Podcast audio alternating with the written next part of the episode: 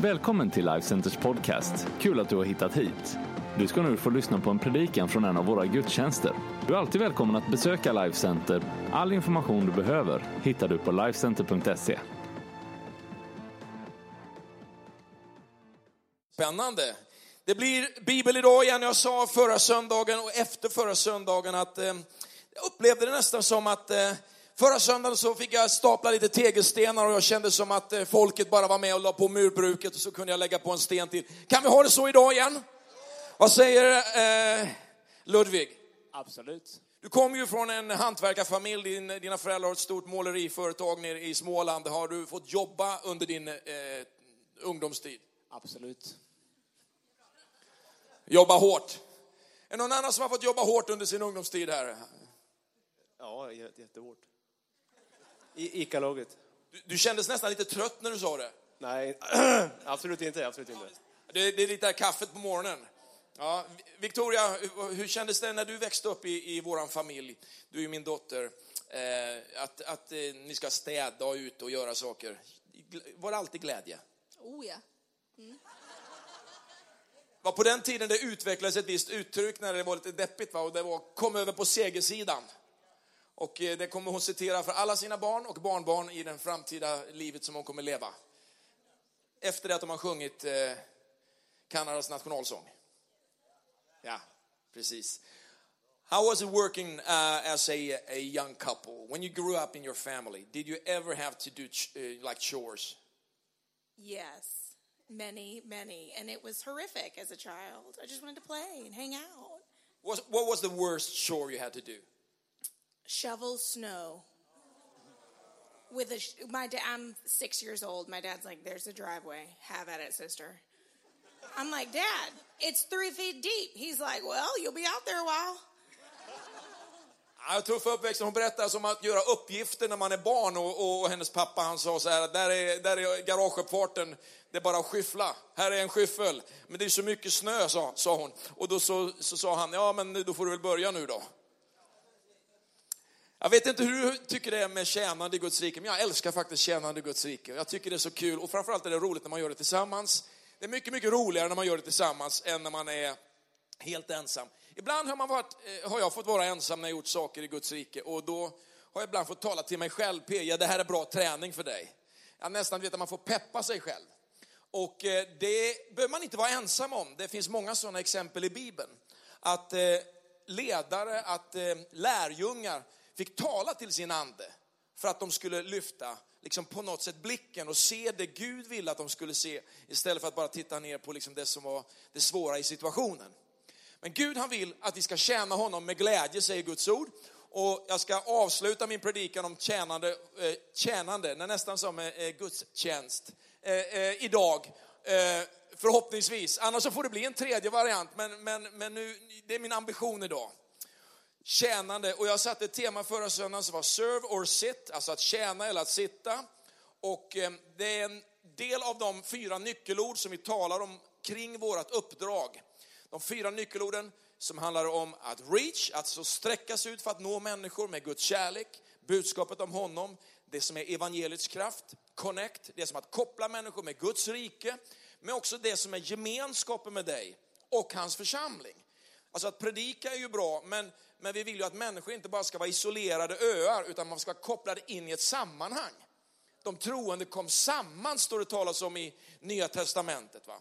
Eh, de, de möttes tillsammans. Det finns omständigheter i vår värld som gör att folk inte kan samlas på grund av att det finns ett, ett politiskt eh, tryck mot dem. Att man, man, det, det är liksom eh, med risk för deras egna liv som de inte kan samlas som kyrka. Va?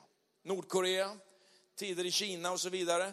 Och jag har rest en del av de där länderna eh, lite sådär undercover eh, eh, några gånger och det har varit tuffa saker liksom som människor går igenom. Men Gud har alltid en väg. Va? Men man längtar efter att få fira gudstjänst tillsammans. Så att vi har ett uppdrag att connecta människor in i våra liv, i hans församling. Så där har vi reach, vi har connect och så har vi worship. Vi gör det här utifrån tillbedjan. Vi älskar att tjäna Gud. Vi älskar att, att, att eh, prisa honom, att lyfta upp hans namn. När vi kommer samman så sjunger vi inte bara låtar utan vi tillber honom, vi hyllar honom, vi ärar honom. Och i evigheternas evigheter på något sätt så, så, så finns det liksom ett tema som handlar om tillbedjan. Va? När vi kommer till himlen så ska vi få tillbe honom, vi ska få se Jesus som han är. Och redan nu så, så finns liksom en tillbedjan som pågår i himlen va? Eh, till Jesus Kristus. Eh, och man sjunger helig, helig, helig, Herren Sebaot. Alltså, det finns någonting av tillbedjan som ligger i människans DNA. Därför har kampen ofta i våra liv stått omkring tillbedjan.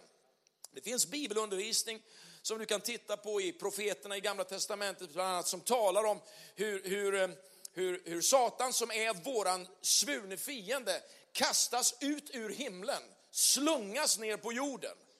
Och det finns bibelsammanhang som talar väldigt tydligt om att han hade en tjänst i himlen som, som, som var fokuserad på att leda en tillbedjan av Gud, en lovsång till Gud. Va? Men så hävde han sig upp emot Gud och tyckte att jag är min sann, min sann, min sann, min sann lika bra. Va? Så att kampen omkring musiken, tillbedjan, att uttrycka sig konstnärligt, att den är perverterad i våran tid, det är inte lustigt va? Därför att det handlar så djupt om en människas inre drive att tillbe Gud. Och djävulen som är våran fiende, han har alltid försökt att kopiera Gud va? Men det är alltid en sämre kopia. Alltså Bibeln kan uttrycka detta på många olika sammanhang, därför att Gud har ju skapat oss med längtan. Om du tar till exempel sexualiteten så är den skapad av Gud. Men den är också placerad in i ett sammanhang för att göra bästa nytta. Och det är inte bara att skapa barn, utan det är att vara en kommunikationslänk mellan man och hustru. Men fienden han perverterar den och så finns det alla möjliga former av avarter av det där som, som istället river ner, som är destruktivt. Som skapar liksom bara, bara ett enda stort liksom inre hål i människor av, av, av förtvivlan och av förkastelse. Och så försöker vi i våran tid att försvara våra livsstilsmönster med att människan kan liksom göra allt som hon liksom känner för och så vidare. Men, men, men, men, kvar finns ändå hela tiden någon form av gnagande liksom, eh, eh, eh otillfredsställelse över att liksom, det, allt jag söker, det, det, räcker inte ändå till. Va? Och så måste man bara liksom bygga på mer och mer extrema liksom, värden va? för att mätta det behov man har. Men det är bara Gud som kan mätta människans behov. Och, och en människa som har mött Jesus vill tillbe honom, vill hylla honom. Och, och, och, det är viktigt för oss att leva det livet där vi, till, vi gör det vi gör utifrån tillbedjan. Jag tjänar Gud först och främst. Va? Och så talar vi om tjänande idag som är det som är temat för dagens predikan. Din attityd och inställning bestämmer hur långt du kan nå. Det brukar man säga. Alltså, eh, John Maxwell han skrev för några år sedan att eh, eh, your attitude determines your altitude. Alltså din attityd bestämmer liksom hur högt du kan nå i livet. Va? Så har det blivit ett ordspråk för många. Ehm, och i Guds rike så är det så, fast ändå inte så. Därför att det handlar inte bara om vad jag bestämmer mig för att göra, utan det handlar också om mitt hjärtas inställning till varför jag gör det. Är det bara för att upphöja mig själv och jobba på, eh, slita, att vara fokuserad, eh, ha liksom några, läsa några böcker om självhjälp eller, eller eh, lite management eller någon form av positivt tänkande? Eller finns det någonting djupare som handlar om att tjäna Gud från ett inre som upplevt en tillfredsställelse i Gud. Inte bara för att jaga erkännandet eller prylarna eller framgången eller pengarna utan, eller positionen, utan för att tjäna utifrån ett, ett mer osjälviskt perspektiv. Ehm, det kallas hjärtas inställning. Ett hjärta som Bibeln faktiskt beskriver som ett omskuret hjärta. Du kan läsa i Romarbrevet om eh, när man försökte att på något sätt eh, det var alltid så här med de, de första kristna, att, att naturligtvis så präglades man av sin uppväxt, va? och det sammanhang som, som man kom ifrån. Och den första kristna kyrkan, den kom ju ur ett sammanhang som var ett judiskt kristet sammanhang. Och det som var kampen för väldigt mycket av den första kyrkan, det var ju plötsligt att man skulle ta med sig alla regler och traditioner ifrån sitt judiskt kristna samhälle, eller sin judiska bakgrund in i sitt nya kristna liv. Och det är någonting som bland annat slår sönder en del av den första kyrkan därför att man, man ville gärna behålla liksom, eh, traditioner som, som egentligen Jesus befriar dem från. Om du tar till exempel det här som att vara verklig jude, alltså handlar det om att man är omskuren och håller alla traditioner? Nej, så säger Paulus i Romarbrevets andra kapitel att, att, att vara omskuren, det handlar egentligen om att, att, eller att vara en verklig jude då. Det handlar om att ens hjärta, ens inställning, ens inre var omskuret. Att inte, och så säger Romarbrevet 2 där att, att det är någonting som sker genom anden. Inte bara genom att liksom du, du, du hugger av någonting. Är ni med? Utan genom att någonting har, har liksom gett upp sig själv här inne. Va? Och blivit omskrivet. Det är bara Gud som gäller. Det är bara Jesus som gäller. Va? Det är inte liksom min egen förträfflighet. Utan det är Jesus förträfflighet i mig. Som kopplar in mig i det som är den historiska bilden av Guds plan med mänskligheten. Paulus han undervisar vidare i Romarbrevet om att den här första kyrkan, de första kristna, de är inympade. De är inympade, vet, man kan ha ett träd som man kan stoppa in liksom, eh, en gren ifrån eller ympa in en gren ifrån ett annat fruktträd. Så man, ett, ett äppleträd kan ha flera olika smaker på frukten, därför att de är inympade grenarna i det trädet. På det sättet är vi som troende i den kristna kyrkan inympade i samma plan som är Guds ursprungsplan. Det, det, det Gud talar om till exempel Abraham i, i eh, första Moseboks tolfte kapitel. Alltså att, att, att i dig så finns liksom en plan, det finns en plan uttryckt om att alla släkter ska bli välsignade. Det finns liksom någonting i, i det som att följa honom som inte bara handlar om han där då, utan som skulle sträcka sig ända in i evigheten. Va? Och vi som kristen kyrka, vi är inkopplade i det. Och därför kan man tjäna på ett sätt som är byggt på prestation, men också kan tjäna på ett sätt som är kopplat till Guds plan. Att Gud är för oss, att Gud ska hjälpa oss i vårt sätt att tjäna honom.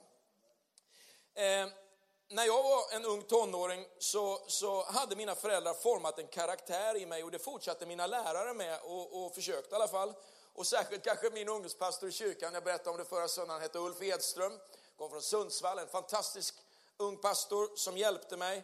Och eh, ibland när jag gnällde över mina utmaningar så sa jag eh, liksom det till honom och eh, i alla fall så upptäckte han det och så ställde han en motfråga till mig alltid. Va? Det var alltid den här. Och tänk att man kommer ihåg detta då. 35 år senare. Va? Är du en tjänare eller? Han avslutade alltid med eller och så var det ett frågetecken. Va? Är du en tjänare eller? Och det där eller handlar väldigt mycket om vad är du annars? Vad är du annars? Tror du att du är en rockstjärna? Liksom? Tror du att liksom, eh, det, det är dig det handlar om? Eller är det vårt uppdrag det handlar om? Är det människor det handlar om? Eller är det dig det handlar om? Och eh, eh, att osjälviskt tjäna andra, det vill säga utan att själv tjäna på det, det är en förutsättning för att tjäna på ett bibliskt sätt. Vet, när jag mötte Jesus som en ung tonåring så ville jag inget annat än att följa honom. Mitt beslut att följa honom, det stod fast oavsett vad kompisarna eller andra tänkte och tyckte. För jag hade bestämt mig för att tjäna Jesus och följa honom. Och jag visste omedelbart att det handlade om hans församling. Direkt liksom när jag svarade ja så, det var Guds församling. Va? Att vara med och bygga den. Att tjäna, att tjäna osjälviskt, det behöver man ju jobba på hela livet tror jag. Särskilt på det som ibland hotar mig, typ att man får en ganska uppblåst självbild. Va? Antingen i att man inte kan, inte duger, inte liksom förmår någonting. Den här liksom negativa, dåliga självbilden av liksom dåligt självförtroende. Va? Jag är väl ingenting, alla andra är mycket bättre än mig. Den brottas en del mer med än andra. Men så finns det andra som brottas med en annan självbild och det är att de, de tror att de är bäst i hela världen. Och jag har sagt så här ibland i vår kyrka, en del säger att vi är bara bäst och det är bara bästa team och det är vi är bäst på allt och vi är bäst. Nej, det är vi inte. Det är väldigt svårt att förstå den, en sån enkel mening. Nej, det är vi inte. Men vi tjänar en som är bäst. Men vi vill bli bättre. Vi behöver inte tycka att vi är dåliga, men, vi, men, men det finns liksom en hälsosam självinsikt. Va? Det är ungefär som i Idol, va? när man har någon som kommer in på en audition och så tror den personen att man är bara bäst i hela världen, men man bara känner ju att det, det, det, det är så falskt. Va? Men min mamma och jag har en kompis som sa att jag är bara, jag är bara kanon. Och jag bara skrattar, jag, alltså, jag, jag lider ju va, egentligen, men jag garvar och säger jag tycker det är så pinsamt jobbigt va? när människor tycker att de är grymma va? och så är det det är grymt va? va? Man behöver jobba på sin självbild och det bästa sättet kanske att ta tag i de här bitarna, det är att tjäna andra människor. Både för den som har en dålig självbild eller den som har en liten uppblåst självbild. att komma ner på backen och göra någonting med de gåvor som han har fått. Så att tjäna Gud, eh, det är för mig det finaste uppdrag man kan ha, det mäktigaste uppdrag man har oavsett var Gud placerar mig i livet. Om det är business, eller om det är skolan, eller om det är alltså i kyrkan mer, eller i vardagslivet mer, om det finns i din trappuppgång eller var, var, var, var, du någonstans är. Så vill Gud att du ska tjäna honom. Och det är det finaste uppdrag man kan ha. Så se inte plattformen som liksom den här, vet, att vara pastor, liksom det, det, jag tycker att det är det finaste uppdrag. Men det har med att göra med vad vi är kallade att vara. Mer än vad vi vill vara. Vad är du kallad att vara? Vet, Gud frälste oss inte för att vi skulle sitta stilla resten av våra liv utan för att vi skulle leva tillsammans med honom och tjäna honom. Därför så är bilden av en mänsklig kropp, jag nämnde det här lite förra söndagen, Eh, en väldigt, väldigt bra bild. Därför att jag vill gärna att alla mina kroppsdelar ska funka. Va? Och när någon av dem inte funkar så bra, vilket jag nu har uppnått en, en, åtminstone en sån ålder att jag ibland kan känna det. Att det finns, det är långt i tårna ibland, om man brukar säga så. Hallå? Det kan bero på att jag använder min kropp så mycket. Också ibland. Ja, ni skakar på huvudet här, men det, det finns faktiskt tillfällen när jag har använt min kropp väldigt mycket så att det, det känns liksom lite uh, så här. Va? Det är hälsosamt ibland att använda kroppen lite extra mycket. En del skulle pröva det. Eh, och eh, det gör då att, att man behöver få en bild av att faktiskt det är samma sak i kyrkan. Va? Det är hälsosamt att hela kroppen är i funktion. Men Bibeln säger också att om en lem lider så lider de andra. Va? Och om en lem glädjer sig extra mycket, då ska vi också glädjas oss med det. Va? Så, att, så att är du i funktion, amen, vi, vi är glada för det. Men, men, men är det något som har hänt med din funktion så, så, så tycker vi att det är viktigt att du kommer i funktion. Och, och funkar inte livet så bra nu, eller att det är, är, lite tufft nu, så bryr vi oss om det. Vi tycker det är viktigt att du får komma in i en hälsa i ditt andliga liv och det som Gud har utvalt dig och jobbat med dig och placerat i dig. Ehm, vi ska läsa ett, ett par bibelverser här tillsammans. Jesaja 50 och vers 4 säger så här. Herren, Herren har givit mig en tunga med lärdom så att jag förstår att med mina ord hjälpa den trötte. Han väcker var morgon mitt öra. Han väcker det till att höra på lärjungasätt. Filipperbrevet 2, vers 6 och framåt. Fastän han var, i, i Gud, han, fastän han var till i Gud, Guds gestalt räknade han inte tillvaron som Gud som segerbyte, utan utgav sig själv genom att anta en tjänares gestalt då han blev människa. Han som till det yttre var som en människa ödmjukade sig och blev lydig ända till döden, döden på korset. Romarbrevet 12 och vers 4. Ty liksom vi i en kropp har många lemmar och alla lemmarna inte har samma uppgift, så är vi som är många en kropp i Kristus, men var för sig är vi varandras lemmar. Vi har olika gåvor allt efter den nåd som vi har fått. Ska vi be tillsammans? Herre, jag tackar dig Herre för att du vill bara lysa på det här ordet nu idag i ditt mäktiga namn. Amen. Om jag gör en liten recap för förra söndagen så talade jag bland annat om förutsättningar för att tjäna, grundförutsättningar. Jag talade om Guds nåd. Alltså att vi inte kan förtjäna våran frälsning därför att det är Guds verk. Guds ord säger att av nåden är ni frälsta. Ty av nåd är ni frälsta genom tron, inte av er själva. Efesierbrevet 2.8. Men vi kan inte heller förändra Guds vilja att fortsätta välsigna oss. Efesierbrevet 2.9 säger, för att i kommande tider visa sin överväldigande rika nåd genom godhet mot oss i Kristus Jesus. Alltså, Guds nåd den slutar bara inte utan den fortsätter. Va? Han vill fortsätta välsigna dig, han vill fortsätta visa dig sin nåd. I olika områden i livet, ösa över ditt liv, liksom skapa förståelse i dig, men också täcka över dig med de misstag som du har. Hans nåd, den finns där för dig. Så du kan slappna av och relaxa därför att din frälsning beror inte på vad du kan göra utan på vad Jesus redan har gjort för dig. Men om frälsningen, sa jag förra söndagen också, handlar om vad Gud har gjort för dig, så skall ditt frälsta liv handla om vad du ska göra för Gud. Och det där vet jag att eh, jag såg att en del reagerade lite på. Eh, men, och jag ville utveckla det lite idag. Därför att jag tycker ändå mig se väldigt, väldigt klart och tydligt när jag läser min bibel att alla som följde Jesus var på något sätt on mission. Man hade en klar bild över att jag tjänar Gud. Så här ska jag tjäna Gud, jag vill tjäna Gud. Och när det inte var så, så dök någon person upp som typ Paulus och säger liksom, kom igen nu, skärp till er nu. Det är det här liksom som var uppdraget. Va? Och på samma sätt som en kropp som funkar, har alla lemmarna i funktion, så vill Gud att våran kyrka, våran församling, det som är Guds församling, ska ha alla i funktion. Det är liksom ambitionen. Det är Guds plan, eller inte bara ambitionen, det är Guds vilja är det. Och, och när jag ser det här så, så, förstår jag liksom att vi också då ska tjäna Gud med det vi har fått.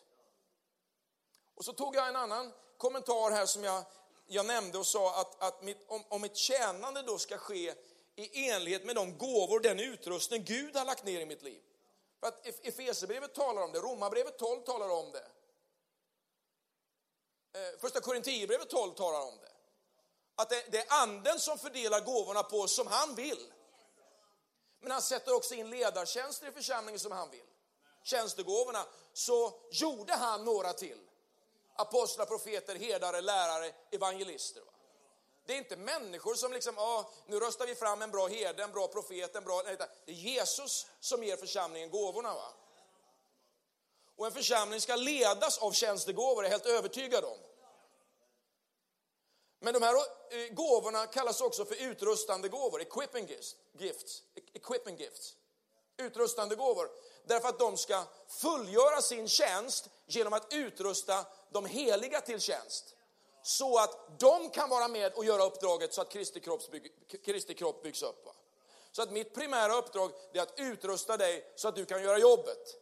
Inte att springa omkring och göra ditt jobb. Hallå? Är du med här nu? Är det, är det, är det lite mycket farsa nu eller är det, är det, här, är det här Bibeln eller? Så att alla de här tjänstegåvorna, utrustande gåvor finns här för att utrusta dig. Man kan se bilden att egentligen så är alla de där gåvorna ytterst en, gåvor baserade på ett, en förkunnande gåva, lärargåva.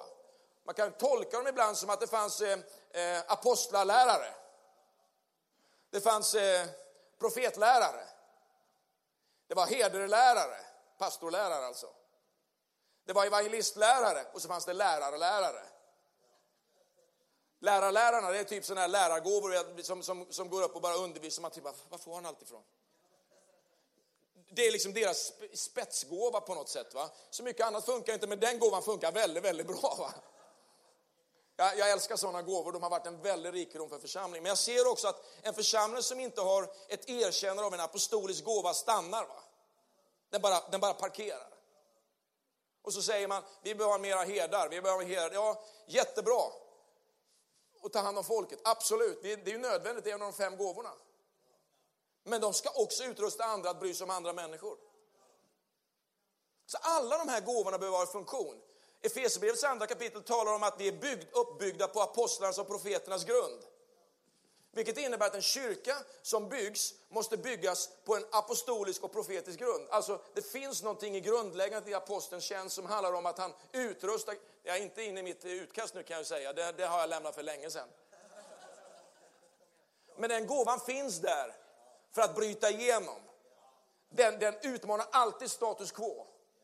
Den säger, det finns alltid mer, den irriterar, den river ner, den bygger upp.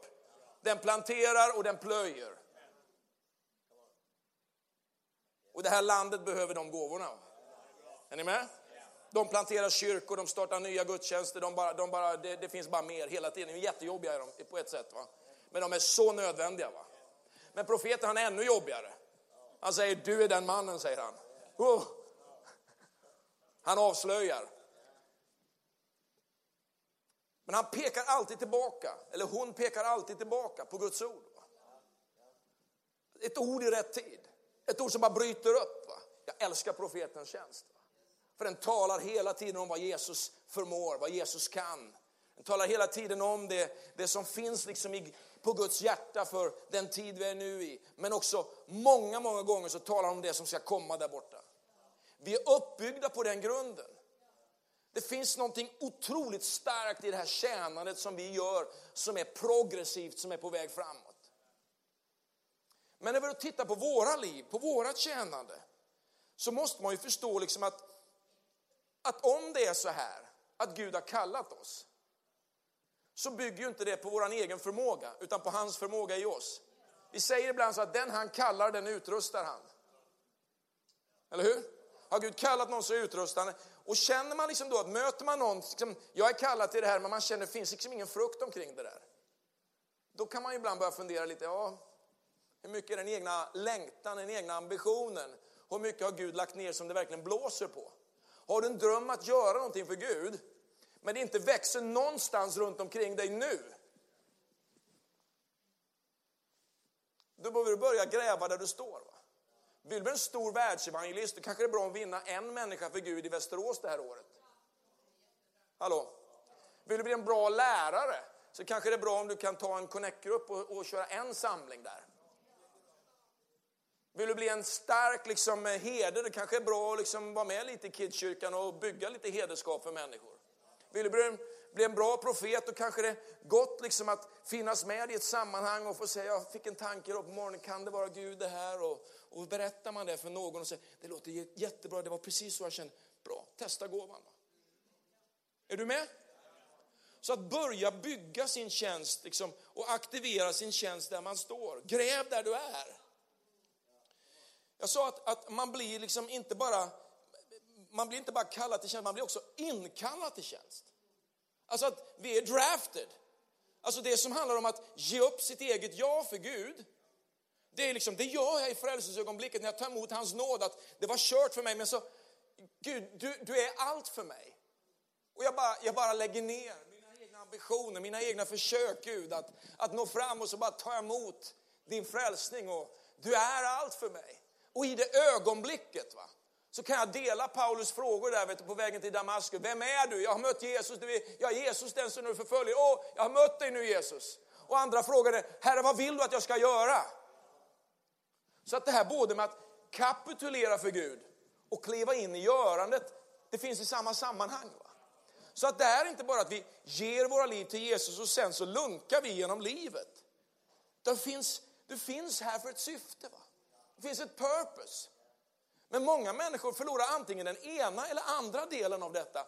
Antingen liksom att det är bara du och ditt själv och ditt liv med Jesus, liksom där du ska sitta och gotta dig med honom och, och liksom bara gräva djupare och djupare i Gud. Men det händer liksom inte någonting annat än bara du, dig och ditt. Va? Eller de som bara lever i görandet. Men det finns ingen substans i djupet av det. Va? Man springer liksom som en ekorre genom hela livet och samlar på prylar. Men liksom det, det är fel, det är fel, det är fel så här, kottar, det är fel, det är fel nötter. Va? du samlar på. Det finns ett substans i det vi gör. Så när han kallar oss så måste vi förstå att när vi blir volontärer i Jesusarmén på något sätt, så, eller draftade till den, då, då, då, då, vill vi tjäna trofast. Va? Då backar vi inte undan. Va? Du vet, liksom livet när, när, vet, när det, är, det är verkligen tufft, va? så hänger vi. Paulus undervisar om det här. Jag boxas inte i luften, säger han. En soldat kan inte ägna sig åt sina egna affärer. Det är Guds rike det handlar om. Och det mäktiga med det här, det är liksom på något sätt när jag läser min bibel att jag förstår att när han kallar oss in i någonting, att vara med och bygga det han bygger, va? då kommer han också hjälpa mig att bygga mitt hus. Jag läste i veckan här och jag har levt lite i, du vet när, när, när David eh, tjänar Gud så, så handlar det mycket om fight, va? strider. Men så kommer hans son Salomo och får bygga templet. Så står det i, i första kungaboken att det, det tog 11 år att bygga templet. Och så står det beskrivet om alla grejer som de skulle göra och alla dekorationer och allting det här. Men så står det faktiskt i verserna direkt efter, det tog 13 år innan Salomo fick sitt eget hus färdigbyggt. Alltså det finns ett eget hus mitt i bygget av Guds hus. Det finns ett eget hus mitt i bygget av Guds hus. Du behöver inte, du behöver inte ge upp bygget av ditt hus för att du bygger Guds hus. Men det fanns en priolista. Men det innebär inte att det, det, det tog 11 år, sen fick han börja på sitt. Nej, det går ju parallellt. Va? Det går parallellt. Men det börjar någonstans. Och sen kliver vi vidare. Men det som är mer centrerat. Jag älskar när man gör någonting åt sitt eget hus. Absolut. Men jag älskar särskilt när man ser att någon är trofast i att bygga Guds hus och ser hur Gud bara öser välsignelser över det egna huset. Det är Gud i det. Så tacka Gud för det. Har du en längtan att komma vidare i bygget av ditt eget hus och du tycker att du satsar mycket på Guds hus, stå fast i det. Kom till Gud och bara säg till honom, Gud, det är dags för mitt hus. Nu har jag gjort det här och han kommer ge dig en plan och han kommer ge dig en tidsfaktor. Paulus, han brottas med de första församlingarnas nya liv och så säger han, jag vill påminna er om det allra viktigaste. Så att det som, som finns i er inte var förgäves, att ni inte kom förgäves till tro. Så att ni liksom plötsligt börjar någonstans i ett tjänande men sen liksom tappar det. Utan häng i det här, står i första Korintierbrevets eh, Korinthierbrevets 15 kapitel. Och han utmanar dem i andra Korinthierbrevet eh, kapitel 13 att pröva sig själva. Om de håller måttet. Alltså finns det en frukt, då finns det en frukt. Det var en bra inledning, eller hur? Hela predikan. Vad gör du, Herre? Eller vad gör jag, Herre? Han väcker var morgon mitt öra. Han väcker det till att höra på lärjungars sätt.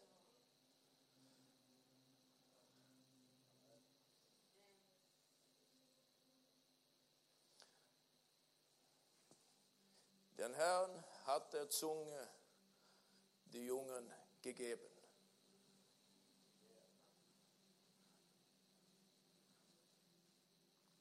Det finns fem saker i den där versen som jag tänkte på. Det första är att Jesaja beskriver det hjärta vi längtar efter som full efterföljare till Jesus därför att han är tydlig. Han säger så här, det är Gud jag tjänar, säger han. När Gud väcker dig en morgon, är det Gud? Eller är det bara att du är hungrig eller behöver gå någonstans?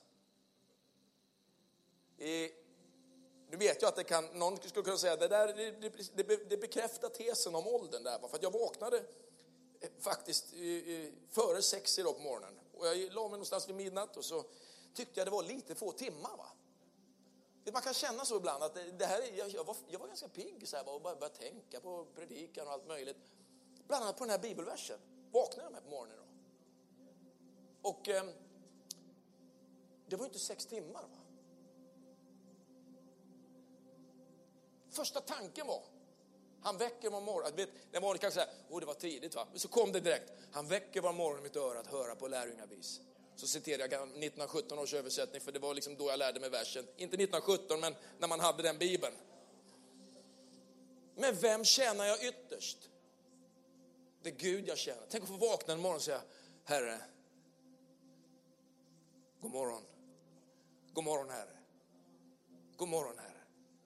Inte sträcka sig efter telefonen först.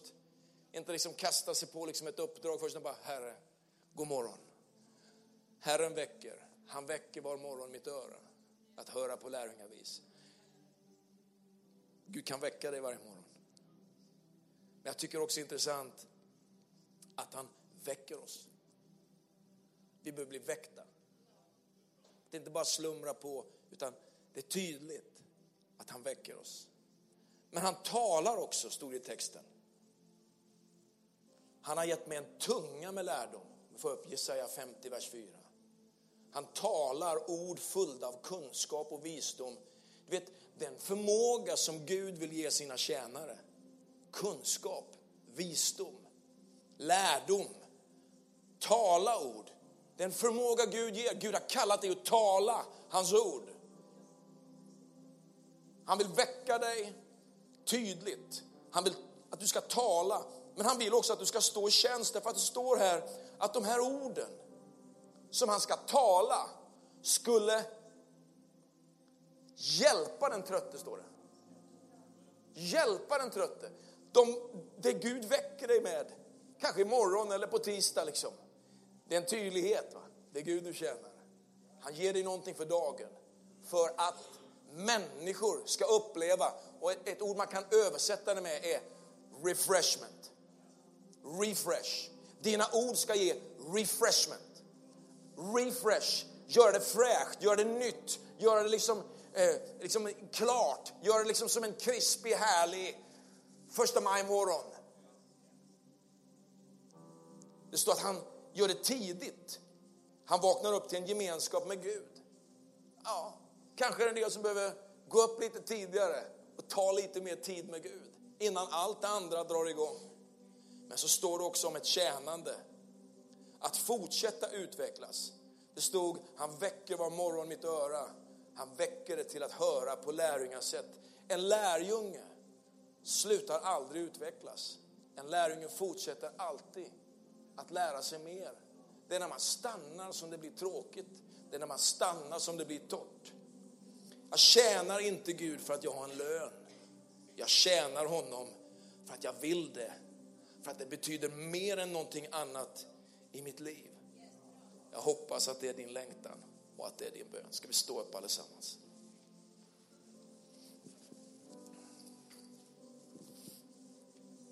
Tack Jesus.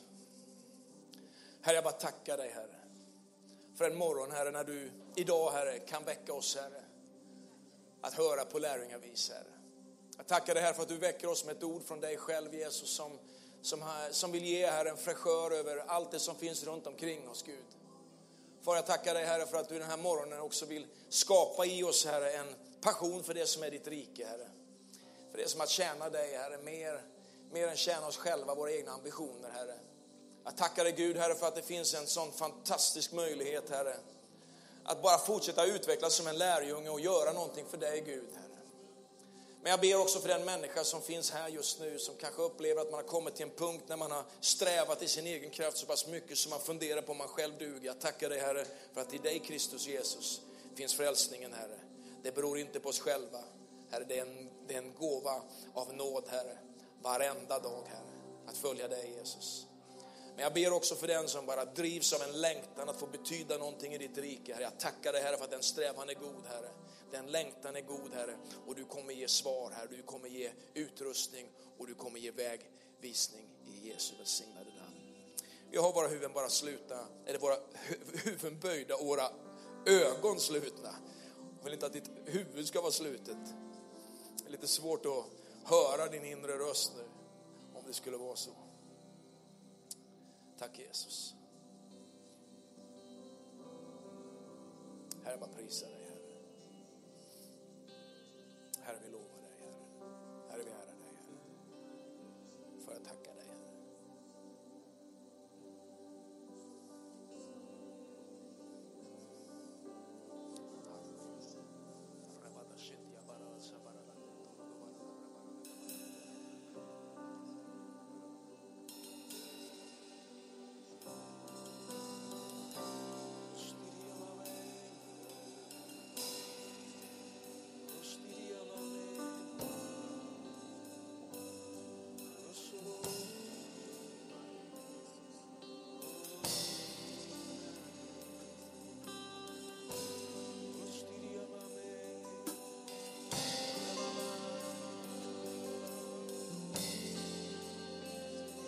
Halleluja. Lustidia la la la bebe. Vema mamma.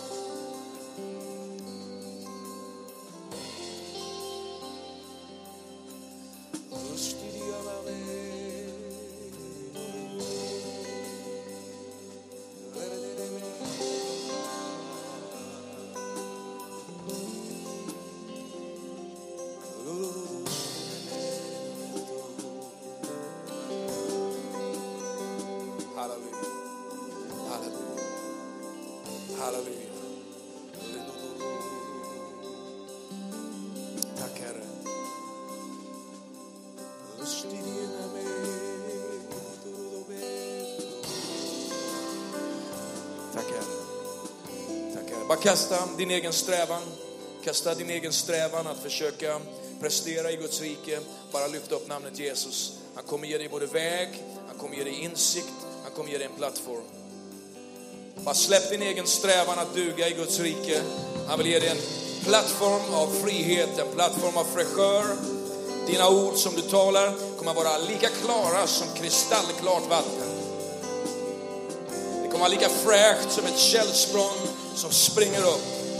Dina ord är här för att tala liv in i människors olika situationer. Du står här och undrar om du har en profetisk gåva. Börja tala mina ord till människor. Börja uppmuntra människor. Allt det som finns av uppenbarelse, profetiskt ord i våran tid, i det som är en nytestamentlig kyrka, ska ske till uppbyggelse, till uppmuntran. Så tala in uppmuntran, tala in uppbyggelse i människors liv. Tala tro in i människor, kristallklart vatten. Tack Jesus. Herre, jag prisar dig Jesus Kristus för att livet i dig det är fräscht, Herre. Livet i dig det är fyllt av kraft, Gud. Herre, jag tackar dig för att livet i dig, Jesus, det handlar om att kasta alla våra bördor på dig, Jesus. Herre, vi får bara släppa taget om det som håller oss tillbaka i det förflutna och vi kastar dem ner vid ditt kors, Herre. Och vi säger Jesus Kristus, jag är inte densamme jag var igår, Herre. Något nytt har kommit i mitt liv. Jesus, jag lyfter min blick och jag ser dig för mina ögon, Herre. Och jag bara utmanar mig själv att följa dig längre än jag någonsin har gått. Starkare än jag någonsin har stått. Tydligare än någonsin har talat. Herre, jag prisar dig för ett profetiskt ord i den här tiden, Herre, som, som, som bryter oken, Herre, som bryter det som smärtar människors hjärtan och kommer med läkedom och hälsa. Herre, vi lyfter upp ditt namn Jesus Kristus på varje skola, varje arbetsplats, i varje hem i den här staden. Far, vi tackar dig för ett liv, Herre, där vi som ett folk, Herre, får tjäna dig, Herre, inte med ett hjärta fyllt av egna ambitioner och självhävdelse och en jakt efter det som är vår egen framgång, utan bara för att vi älskar dig, Jesus Kristus. Och du älskar de människor i den här staden, Herre. Och varje plats dit du sänder oss, Herre, att de behöver dig, Jesus Kristus. Herre, jag tackar dig för en sån kraft och en sån energi och en sån, sån fräschör, Herre, över våra liv, Herre. Att det som finns i oss, Herre, det kan vi inte hålla fördolt, Herre. Det kan vi inte hålla tillbaka. Vi vill bara se att det går fram, Herre. Överallt där vi är. Jesus, vi ber Herre för den här dagen, den här kvällen, Herre. Vi tackar dig för gudstjänsten ikväll och vi ber Herre för allt det vi ska möta av människor idag. Att det får vara liv i dig, Jesus Kristus. Herre, vi prisar dig och vi upphöjer ditt namn, Jesus Kristus. Ska du bara göra så att du lyfter dina händer, så lovsjung